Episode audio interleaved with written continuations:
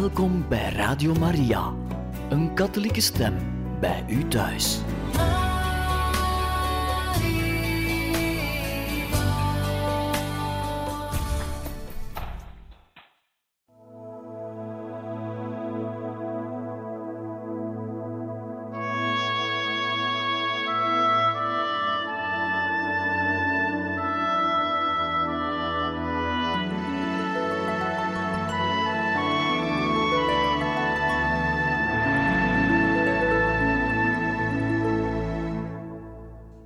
Harte welkom, beste luisteraars van Radio Maria, bij het programma Heiligen Getuigen. We lezen nu verder voor uit het boek Mijn levensverhaal, geschreven door de heilige Thérèse van Lisieux. We zijn ondertussen aangekomen in het moment in het leven van de heilige Thérèse van Lisieux, waarbij haar geliefde zus, Pauline, de orde van de Karmel, heeft vervoegd en dus het klooster is binnengegaan. En kort daarna wordt de heilige Thérèse van Lisieux ernstig ziek. Ze krijgt een mysterieuze ziekte, waarbij ze door een heel zware beproeving gaat. We gaan verder op het moment waarop ze daarover vertelt. Ze vertelt ook dat die innerlijke marteling die ze heeft meegemaakt, weggenomen werd bij haar intrede in de karmel. Sindsdien, schrijft ze, is er een volmaakte vrede in mij. En ze had ook een schrik eigenlijk dat ze mogelijks onbewust zou gedaan hebben alsof ze ziek was. En daar vertelt ze verder over. Het is niet zo verwonderlijk dat ik er bang voor geweest ben ziek te hebben geleken, terwijl ik het niet echt was. Ik zei en deed namelijk dingen waar mijn gedachten helemaal niet naar uitgingen. Bijna altijd leek ik te eilen, omdat ik woorden sprak die geen betekenis hadden. Toch ben ik er zeker van dat ik nooit één moment van mijn zinnen beroofd was. Ik leek vaak bewusteloos. Ik maakte dan zelfs niet de kleinste beweging. Op zo'n moment zou ik alles met me hebben laten doen zelfs als men mij had willen doden. En toch hoorde ik alles wat er om mij heen gezegd werd, en ik kan me alles nog herinneren.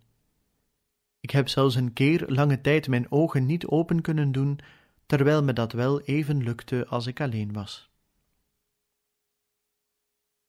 Ik geloof dat de duivel wel een uitwendige macht over mij had, maar dat hij niet in de buurt van mijn ziel of mijn geest komen kon al kon hij me wel erg bang laten zijn voor bepaalde dingen, zoals voor eenvoudige geneesmiddelen, die men mij vergeefs probeerde in te laten nemen. Maar ook al stond de goede God de duivel toe in mijn buurt te komen, hij zond mij ook zichtbare engelen. Marie was altijd bij mijn bed te vinden. Ze verzorgde mij en troostte mij met de tederheid van een moeder. Nooit liet ze mij de kleinste ergernis merken, en toch was ik erg lastig voor haar. Ik kon het niet verdragen wanneer ze even bij me wegging. Natuurlijk moest ze met papa eten, maar ik bleef naar haar roepen als ze weggegaan was. Victoire lette dan op mij en moest soms wel mijn lieve mama gaan halen, zoals ik haar noemde. Als Marie even uit wilde, mocht dat alleen maar om naar de mis te gaan of Pauline op te zoeken. Dan zei ik niets. Mijn oom en tante waren ook erg goed voor mij. Mijn lieve tante kwam mij iedere dag opzoeken en bracht allerlei dingetjes mee om me te verwennen. Andere kennissen van ons kwamen ook langs, maar ik smeekte Marie tegen hen te zeggen dat ik geen visite wilde ontvangen. Ik vond het vervelend. Allemaal mensen netjes op een rij om mijn bed te zien zitten die me aanstaarden of ik een vreemd wezen was. De bezoekjes waar ik wel van hield waren die van mijn oom en tante. Mijn affectie voor hen is sinds mijn ziekte erg gegroeid. Ik begreep meer dan ooit dat ze niet zomaar familieleden voor ons zijn.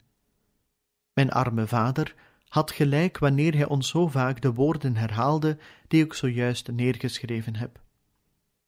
Later heeft hij ervaren dat hij zich niet vergist had, en nu moet hij hen beschermen en zegenen, die altijd zo royaal waren met goede zorgen voor hem.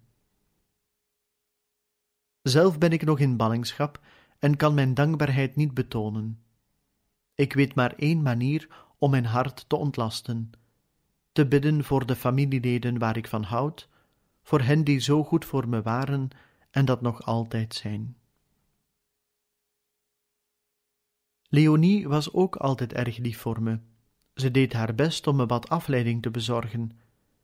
Maar ik deed haar soms verdriet, want ze zag wel dat niemand de plaats van Marie bij mij kon innemen. En wat heeft mijn lieve Céline wel niet allemaal voor haar Therese gedaan? Op zondag kwam ze, in plaats van een wandeling te gaan maken, zich hele uren opsluiten bij een arm klein meisje dat niet goed wijs leek te zijn. Er was echt liefde voor nodig om me niet te ontvluchten. Lieve zussen, wat heb ik jullie aangedaan? Niemand heeft jullie zoveel verdriet gedaan als ik, en niemand heeft zoveel liefde teruggekregen als ik van jullie in overvloed heb ontvangen. Gelukkig heb ik de hemel om het goed te maken. Mijn bruidegom is erg rijk, en ik zal uit zijn liefdeschatten putten om jullie honderdvoudig terug te geven wat jullie omwille van mij hebben moeten doorstaan. De allergrootste troost tijdens mijn ziekte was een brief van Pauline te krijgen. Ik las en herlas die tot ik hem van buiten kende. Moeder, je hebt me een keer een zandloper gestuurd en een van mijn poppen aangekleed als een karmelites. Ik kan je niet zeggen hoe blij ik ermee was. Mijn oom was er niet zo mee ingenomen. Hij zei dat ik de gedachte aan de karmel van me af moest zetten en er niet steeds aan herinnerd moest worden.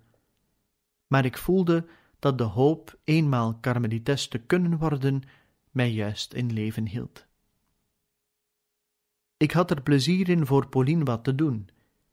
Ik maakte voor haar kleine werkjes uit karton. Mijn grootste bezigheid was om bloemenkroontjes van madeliefjes en vergeet mij nietjes te vlechten voor de maagd Maria. Het was toen net de mooie meimaand. De hele natuur tooide zich met bloemen en ademde vrolijkheid uit. Alleen het bloempje kwijnde weg en leek voor altijd verlept te zijn. Toch had ze een zon vlak bij zich, en die zon was het wonderdadige beeld van de maagd Maria, die twee keer tot mama gesproken had. Heel vaak richtte het bloempje haar bloemkroon naar deze gezegende ster. Een keer zag ik papa binnenkomen in de kamer van Marie waar ik lag. Met een heel droevige uitdrukking op zijn gezicht gaf hij Marie een aantal gouden munten en zei haar dat ze naar Parijs moest schrijven en missen moest laten lezen tot intentie van onze lieve vrouw van de overwinningen voor de genezing van zijn klein meisje. Ik was zo ontroerd bij het zien van het geloof en de liefde van mijn lieve koning. Ik had hem zo graag willen zeggen dat ik genezen was, maar al vaak genoeg had ik hem valse hoop gegeven. Mijn verlangens zouden geen wonder kunnen bewerkstelligen, want dat was wat er nodig was om mij te doen genezen. Er was een wonder nodig, en dat wonder werd verricht door onze lieve vrouw van de overwinning. Op een zondag, het was in die noveen van de misintenties, ging Marie naar buiten, de tuin in, en liet mij alleen met Leonie, die bij het raam zat te lezen. Na een paar minuten begon ik heel zachtjes te roepen: Mama, mama. Omdat Leonie eraan gewend was mij zo te horen roepen, sloeg ze geen acht op mij. Het duurde lang en dus riep ik wat harder. Eindelijk kwam Marie terug. Ik zag haar heel goed binnenkomen, maar ik was niet in staat te zeggen dat ik haar herkende, en ik bleef roepen, steeds harder: Mama! Ik had veel te lijden van deze dwangmatige en onverklaarbare strijd. Marie leed er misschien nog meer onder dan ik. Nadat ze vergeefs geprobeerd had mij duidelijk te maken dat ze bij me was, viel ze op haar knieën voor mijn bed, samen met Leonie en Céline. Ze wendde zich tot de maagd Maria en bad tot haar met de standvastigheid van een moeder die het leven van haar kind afsmeekt. En Marie verkreeg wat ze verlangde. Omdat er voor de arme kleine Therese geen enkele aardse hulp te vinden was, wendde ook zij zich tot haar hemelse moeder. Met heel haar hart bad ze Maria dat ze toch eindelijk medelijden met haar zou hebben. Plotseling scheen me de maagd Maria zo mooi toe, zo mooi. Ik had nog nooit zoiets moois gezien. Haar gezicht ademde een onuitsprekelijke goedheid en tederheid. Maar wat mij tot in het diepst van mijn ziel raakte, was de allerliefste glimlach van de maagd Maria. Al mijn verdriet verdween. Twee dikke tranen welden op in mijn ogen en liepen langzaam over mijn wangen maar dat waren tranen van een onvermengd geluk. O, zo dacht ik, de maagd Maria heeft naar mij geglimlacht, wat ben ik gelukkig. Maar ik zal het nooit tegen iemand zeggen, want dan zal mijn geluk verdwijnen. Zonder dat het mij moeite kostte, sloeg ik mijn ogen neer, en ik zag Marie mij vol liefde aankijken. Ze leek aangedaan te zijn en te kunnen raden welke gunst de maagd Maria mij verleend had. Ja, ik heb echt aan haar, aan haar ontroerende gebed, de genade van de glimlach van de koningin des hemels te danken.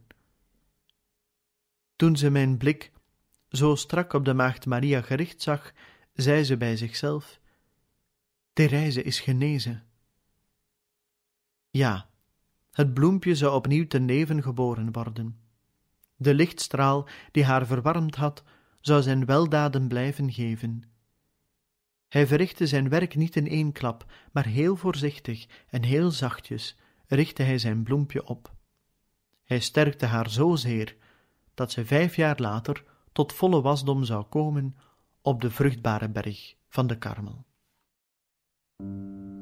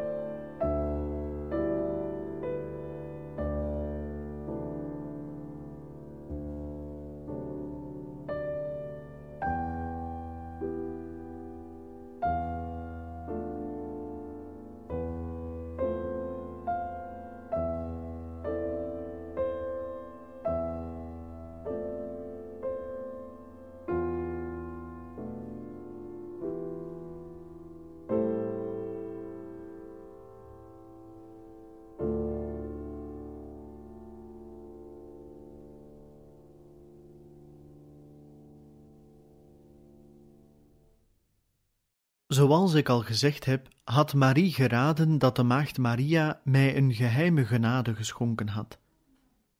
Toen ik alleen met haar was en ze mij vroeg wat ik gezien had, kon ik haar lieve en aanhoudende vragen niet weerstaan. Ik was verbaasd over het feit dat mijn geheim ontdekt was zonder dat ik het zelf onthuld had, en ik vertrouwde het hele geheim aan mijn lieve Marie toe. Maar zoals ik het al voorvoeld had, mijn geluk verdween langzaamaan en veranderde in bitterheid. Vier jaar lang was de gedachte aan de onuitsprekelijke genade die ik ontvangen had, een echt zielenleed. Ik zou mijn geluk pas terugvinden aan de voeten van onze lieve vrouw van de overwinningen, maar toen kreeg ik het geluk dan ook in al zijn volheid terug. Straks zal ik verder vertellen over deze tweede genade van de Heilige Maagd, maar nu moet ik je vertellen, moeder, hoe mijn geluk in verdriet veranderde. Toen Marie het onbevangen en oprechte relaas van mijn genade aanhoord had, vroeg ze mijn toestemming om het aan de karmel te mogen zeggen. En ik kon geen nee zeggen. Bij mijn eerste bezoek aan de geliefde karmel werd mijn hart van vreugde vervuld toen ik Pauline het habijt van de heilige maagd zag dragen. Dat was voor ons tweeën een heel mooi moment. We hadden elkaar zoveel te vertellen dat ik helemaal niets zeggen kon. Mijn hart was overvol.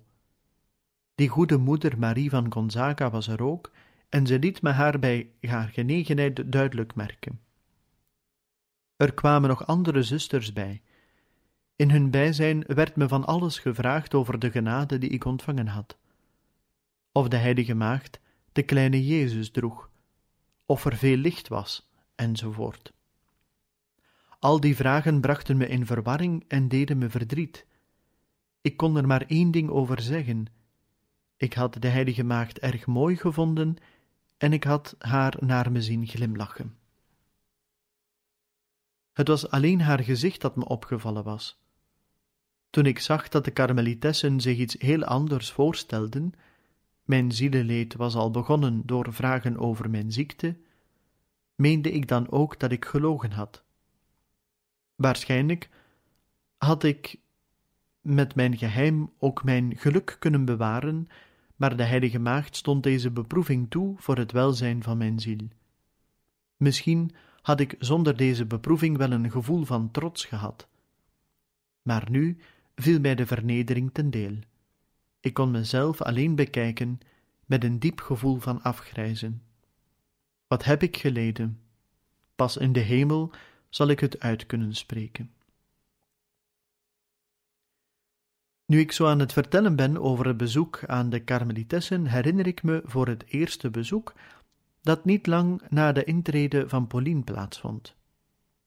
Ik ben boven vergeten erover te spreken, maar er is een detail dat ik niet kan weglaten. Op de ochtend van de dag dat ik naar de spreekkamer zou gaan, lag ik na te denken in bed. Daar kon ik immers altijd het meest innig bidden, en in tegenstelling tot de bruid uit het hooglied, vond ik daar altijd mijn welbeminde. Ik vroeg me af welke naam ik in de karmel ontvangen zou. Ik wist dat er al een zuster, Therese van Jezus, was, maar mijn mooie naam Therese kon mij toch niet afgenomen worden. Opeens dacht ik aan de kleine Jezus, waar ik zoveel van hield, en ik zei bij mezelf: Wat zou ik gelukkig zijn als ik me Therese van het kind Jezus noemen mag.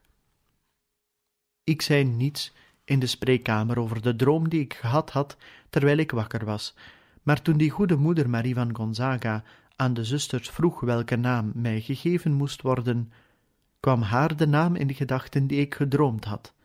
Mijn vreugde was groot, en ik geloofde dat deze eenheid van gedachten een fijne attentie was van mijn welbeminde kleine Jezus.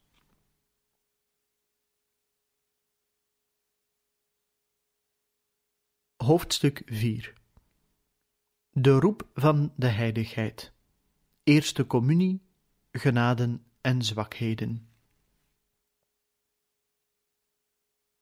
Ik ben nog een paar kleinigheidjes vergeten uit mijn kinderjaren voor je intrad in de karmel. Ik heb je niet verteld over mijn liefde voor prentjes en voor lezen. Aan de mooie prentjes die je me liet zien, als beloning, heb ik een van mijn zoetste vreugden en diepste indrukken te danken, die mij aangespoord hebben de deugd te beoefenen. Ik vergat de tijd als ik ze bekeek. Het bloempje van de goddelijke gevangene, bijvoorbeeld, had me zoveel te zeggen dat ik er helemaal in opging. Toen ik zag dat de naam van Pauline onderaan het bloempje stond, wilde ik dat die van Therese er ook had gestaan. Ik bood me aan Jezus aan als zijn bloempje. Al kon ik dan niet spelen, ik hield veel van lezen en daar zou ik mijn leven mee doorgebracht hebben. Maar gelukkig waren er aardse engelen die me stuurden. Ze zochten boeken voor me uit, die niet alleen leuk waren om te lezen, maar ook voedsel waren voor mijn hart en geest. Verder mocht ik maar gedurende een bepaalde tijd lezen, wat grote offers met zich meebracht. Vaak werd ik bij het lezen midden in het spannendste stuk onderbroken. Die voorliefde voor lezen heeft geduurd tot mijn intrede in de karmel. Het zou onmogelijk zijn om te zeggen hoeveel boeken door mijn handen zijn gegaan, maar de goede God heeft me nooit toegestaan er ook maar één te lezen die schadelijk voor mij zou kunnen zijn. Het is wel zo dat ik, als ik sommige ridderverhalen las, niet altijd meteen inzag wat de eigenlijke zin van het leven was. Maar al snel liet de goede God mij aanvoelen dat de ware roem eeuwig duurt, en om die roem te bereiken hoef je geen opzienbarende daden te verrichten. Je moet je verbergen en de deugd zo beoefenen dat je linkerhand niet weet wat de rechter doet. Bij het lezen van verhalen over vaderlandslievende daden van Franse heldinnen, meer bijzonder die van de eerbiedwaardige Jeanne d'Arc, voelde ik een groot verlangen hen na te volgen. Het leek alsof ik in mij hetzelfde vuur voelde branden dat hen bezield had, diezelfde hemelse inspiratie. Ik ontving toen een genade die ik altijd beschouwd heb als een van de grootste in mijn leven, want op die leeftijd had ik nog niet het inzicht gekregen dat ik nu in overvloed ontvang. Ik geloofde dat ik geboren was voor de roem. En toen ik zocht op welke manier ik die kon verwerven, gaf de goede God mij de gevoelens in die ik net beschreven heb. Hij liet me ook inzien dat mijn eigen roem niet zichtbaar zou zijn voor de ogen van de wereld, maar erin zou bestaan een grote heilige te worden. Dat verlangen zou onbezonnen kunnen lijken, als je al mijn zwakheid en onvolmaaktheden in overweging neemt, die ik nu, na zeven jaar in het klooster, nog steeds bezit. En toch voel ik nog altijd datzelfde onverschrokken vertrouwen een grote heilige te worden. Ik reken immers niet op mijn eigen verdiensten, daar ik er geen enkele heb, maar ik vertrouw op Hem die de deugd en de heiligheid zelf is. Hij alleen zal genoegen nemen met mijn zwakke pogingen en me tot zich verheffen. Hij zal me overladen met zijn oneindige verdiensten en van mij een heilige maken.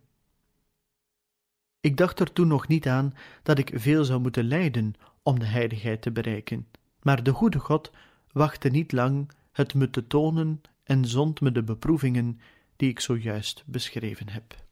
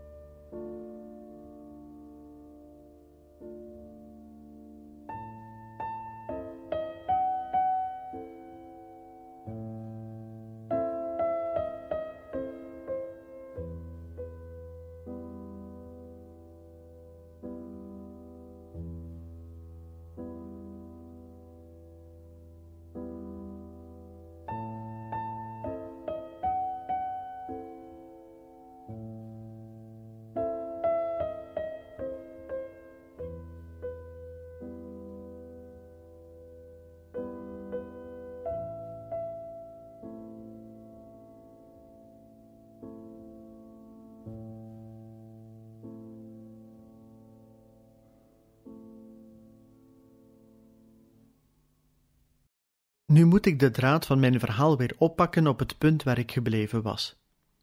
Drie maanden na mijn genezing nam papa ons mee op reis naar Alençon.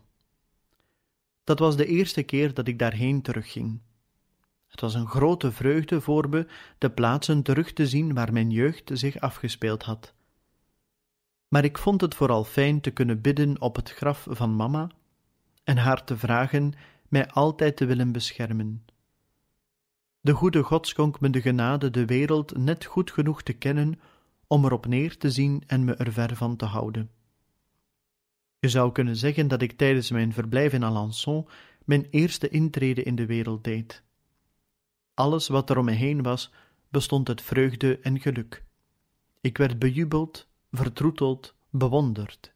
In één woord, er lagen tijdens die twee weken van mijn leven alleen bloemen op mijn pad. En ik moet toegeven dat dat leven mij aantrok. De wijsheid zegt terecht dat de betovering van de aardse onbenulligheden zelfs een ziel die ver verwijderd is van het kwaad in verleiding kan brengen.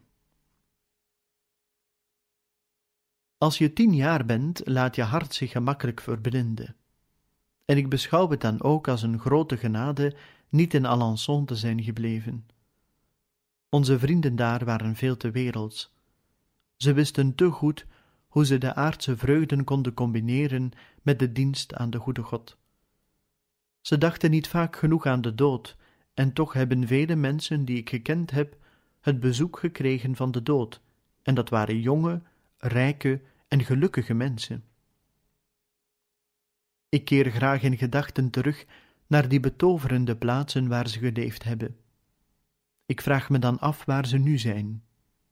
Wat hun nog rest van de kastelen en parken waar ik hen zag genieten van alle comfort van het leven. En ik constateer dat alles ijdelheid is en kommer onder de zon. Het enige goed is God liefhebben met heel je hart en hier beneden arm van geest zijn. Misschien wilde Jezus me de wereld tonen voor het eerste bezoek dat hij me brengen zou, om me in alle vrijheid de weg te laten kiezen die ik hem later beloven zou te volgen. De tijd rond mijn eerste communie staat in mijn hart gegrift als een herinnering zonder wolken. Ik denk dat ik niet beter voorbereid had kunnen zijn, en mijn zielenpijn verliet me toen voor bijna een jaar. Jezus wilde me een zo volmaakt mogelijke vreugde doen smaken in dit tranendal. Herinner jij je, moeder, dat verrukkelijk mooie boekje dat je drie maanden voor mijn eerste communie voor mij gemaakt hebt? Dat boekje heeft me geholpen mijn hart op een goede en snelle manier voor te bereiden. Ik was al langere tijd me erop aan het voorbereiden, maar er was een nieuw elan nodig. Mijn hart moest gevuld worden met nieuwe bloemen, dan zou Jezus er met plezier willen rusten. Iedere dag bracht ik vele kleine offers, die even zoveel bloemen vormden. Maar het aantal aanroepingen dat ik deed was nog groter.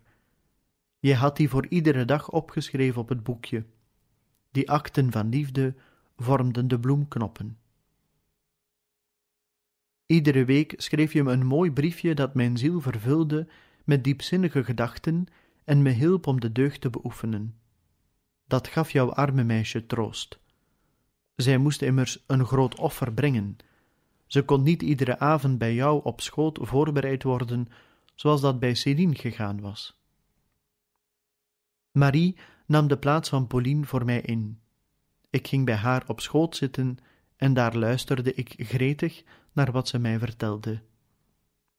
Het leek alsof heel haar hart, dat zo groot en edelmoedig was, in het mijne overging. Net als roemrijke strijders aan hun kinderen leren hoe ze met de wapens om moeten gaan, zo sprak zij me over de gevechten van het leven, over de palm die aan de overwinnaars gegeven wordt. Marie vertelde me ook dat het makkelijk is iedere dag onvergankelijke rijkdommen te vergaren. Het is zo zonde daaraan voorbij te gaan zonder moeite te willen doen je hand uit te steken om die rijkdommen te pakken. Ze wees me erop dat je heilig kunt worden door in de kleinste dingen trouw te zijn. Ik kreeg van haar een blaadje dat heette Over de onthechting en dat ik graag overdacht. Mijn doopmoeder kon zo fraai spreken. Ik wilde dat ik niet de enige was die haar diepzinnige onderrichtingen te horen kreeg. Ik voelde me er sterk door geraakt. In mijn naïviteit geloofde ik dat de grootste zondaars er net zo door geraakt zouden zijn als ik. Ze zouden de vergankelijke rijkdommen laten voor wat ze zijn en alleen nog de hemelse rijkdommen willen bemachtigen. In die tijd had niemand me nog geleerd inwendig te bidden. Toch wilde ik dat graag, maar Marie vond dat ik vroom genoeg was en liet me alleen de vaste gebeden opzeggen. Op een keer vroeg een van de leraressen van de abdij wat ik toch deed op de dagen dat ik vrij had en alleen was. Ik antwoordde haar dat ik dan achter mijn bed ging zitten, waar zich een leeg plekje bevond dat ik gemakkelijk met het gordijn kon afsluiten. Daar ging ik dan zitten nadenken. Maar waar denk je dan aan? Zo vroeg ze me. Ik denk aan de goede God, aan het leven, aan de eeuwigheid. Ja, ik, ik denk dus na. Die goede religieuze moest erg om mij lachen. Later herinnerde ze me graag aan de tijd dat ik nadacht. Dan vroeg ze of ik nog steeds nadacht. En nu begrijp ik dat wat ik deed inwendig gebed was, zonder dat ik dat wist. De goede God had mij dat in het geheim geleerd. De drie maanden van voorbereiding gingen snel voorbij. Al gauw zou ik in de retraite moeten gaan en daarvoor moest ik een echt, intern kostschoolmeisje worden dat in de abdij zou slapen. Ik kan niet zeggen welke mooie herinneringen ik bewaar aan die retraite. Ik heb echt veel geleden op het internaat, maar ik werd er overvloedig voor beloond. Die paar dagen die ik doorbracht in afwachting van Jezus waren dagen van onuitsprekelijk geluk. Ik denk dat je zo'n geluk alleen in religieuze gemeenschappen kunt smaken. Als het aantal kinderen klein is, is het gemakkelijk je met ieder afzonderlijk bezig te houden, en de onderwijzeressen waren echt vol moederlijke zorg voor ons. Ze hielden zich nog meer met mij dan met de anderen bezig. Iedere avond kwam de hoofdonderwijzeres met haar kleine lantaarntje mij in bed een kus geven. Ze was zo lief voor mij. Op een avond was ik zo geraakt door haar goedheid dat ik zei haar een geheimpje te zullen vertellen. En heimelijk haalde ik mijn kostbare boekje tevoorschijn dat onder mijn kussen lag. Met stralende ogen van vreugde liet ik het haar zien. En zo, beste luisteraars van Radio Maria, zijn we aan het einde gekomen van deze aflevering van het programma Heiligen Getuigen. We leerden dus hoe de heilige Therese van Lisieux door een wonder van de heilige maagd Maria genezen was. En hoe ze dit heeft beleefd ook in de tijd die daarna volgde. We leerden opnieuw wat meer over haar kinderjaren kennen en zo gaat zij langzamerhand de weg naar het moment waarop ze haar leven zal geven aan Jezus in de karmel. En verder zullen wij natuurlijk ook een uh, volgende keer verder horen over hoe zij deze roep van de heiligheid heeft beleefd. En dan hoop ik dat u er ook die volgende keer bij kan zijn. Ik dank u van ganse harte voor uw luisteren door en wensen u nog een bijzonder fijne dag toe.